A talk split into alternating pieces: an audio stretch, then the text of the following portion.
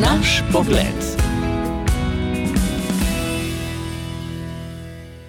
Na začetku so plesali in se smejali, na to z nasmejanimi obrazi spisali koalicijsko pogodbo. Zdaj se je ples preselil v državni zbor, kjer osebo, ki ima po protokolu drugo najpomembnejšo funkcijo v državi, vidimo skoraj plesati in žugati, ne samo desnim, ampak tudi levim. Poslušamo ognjevite govore in gledamo nepredvidljivo vedenje. Dokdaj? Nov obraz se je pojavil kot nek Robin Hood, ki jemlje bogatim in daje revnim. Predstavlja se kot upanje a težava z upanjem je, da se z njim lahko hraniš mesece, celo leta, s praznim pladnjem čakaš v vrsti, da boš dobil to, kar želiš, a v politiki smo že trikrat zgolj ostali v vrsti. Zato določene skupine ljudi posamezne dele koalicijske pogodbe jemljajo zgolj še kot provokacijo in se na njo niti ne odzivajo več. Poglejmo področje zdravstva. Začelo se je s provokacijami o prepovedi popoldanskega dela zdravnikov. Slednji so se seveda takoj kritično odzvali, zato je minister Daniel Bešič Loredan takoj začel miriti. Na zaslišanju pred matičnim odborom pa je že govoril, da želijo zdravnikom zagotoviti, da popovdne delajo v matičnih ustanovah za enako plačilo, kot bi lahko delali drugje. Napovedal je tudi racionalizacijo poslovanja in upravljanja bolnišnic. Po njegovih besedah so v večini bolnišnic operacijske dvorane in ambulante prazne že ob 15. uri, saj da nihče do zdaj še ni zagotovil stimulativnega načina, da bi zdravniki delali tudi popovdne. Če se urna postavka kirurgov giblje pri številki, kot bo z oktobrom v Nemčiji znašala minimalna urna postavka, medtem ko pri zasebnikih lahko z eno operacijo zaslužijo tisoč in več evrov, je jasno, da zdravniki tudi ob takih populističnih predlogih samo privzdignejo obrvi, zamahnejo z roko in se na nove provokacije sploh ne odzovejo več.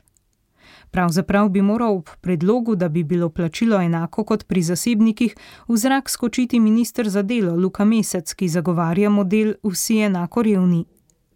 Vsak, ki vsaj malo pozna področje, pa bo povedal, da za prazne operacijske dvorane po 15 uri niso krivi zdravniki, ampak tako akutno kot kronično pomankanje medicinskih sester, ki jih s tako plačo, kot se jim ponuja, vsemi nočnimi in tako dalje, ni mogoče privabiti. Če v iskalnik zavoda za zaposlovanje vtipkamo besede medicinska sestra, dobimo skoraj 300 zadetkov, tako za diplomirane kot srednje medicinske sestre. Če se omejimo samo na osrednje slovensko regijo, je zadetkov približno 120. V kislo jabolko zdravstva je zagrizlo že cel kup ministrov. Novemu ministru seveda želimo vse najboljše, vendar s takimi neuresničljivimi populizmi, ki so bolj kot ne provokacija, ne bo rešil stanja. Zgolj kot provokacije, na katere se ne bi smeli odzivati, bi morali imati tudi besede izrečene na račun katoliške cerkve. S tem, ko se katoličani odzivamo na nje, zgodbe dobijo pospešek in dodatno reklamo. Vse skupaj pa žal spominja na dva otroka, od katerih eden špika drugega, slednji vrešči, prvi ob takšnem odzivu neznansko uživa in dobiva pravo veselje, da se spravlja na nekoga. Zanimanje za nagajanje, provociranje ali kakorkoli temu že rečemo, bi se veliko prej ustavilo, če se drugi ne bi odzval. Jasno je, da se je na določene zadeve treba odzvati. Premišljeno, argumentirano, spoštljivo, ciljno usmerjeno, ne pa da se z določeno zadevo začne ukvarjati cela Slovenija. A najprej bi moralo biti na mestu vprašanje, ali je odziv zares potreben ali bomo rešili kakšno vprašanje, ali je bilo to rešeno že v preteklosti in je vse zgolj in izključno provokacija. Ne na zadnje odziv na provokacije pogosto odraža ne samo zavest, strah. Notranje, trdna in stabilna oseba se na težavne ljudi ne odziva, ker določeni ljudje ne iščejo pogovora, ampak želijo samo sprostiti svoje frustracije, grenkobo, jezo in sovraštvo. Provokacije na nas vplivajo samo toliko, kolikor dovolimo. To so osnove psihologije na tem področju, ki pa jih pogosto pozabljamo. Koalicijska pogodba je torej na več mestih bolj kot ne samo provokacija, kar so med vrsticami neposredno potrdili tudi sami predstavniki te vlade. Po analogiji preteklih volitev torej lahko sklepamo, da bomo še enkrat več ostali lačni v vrsti s praznim pladnjem, na katerem bomo gledali zgolj lepo zveneče napise neuresničljivih idej.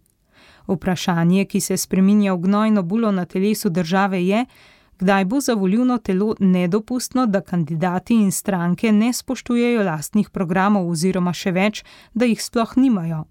Povedano drugače, kdaj bodo predvoljivna soočanja spopad argumentov in ne politični marketing ter takšna ali drugačna provokacija. Naš pogled sem pripravila Marta Jerebič.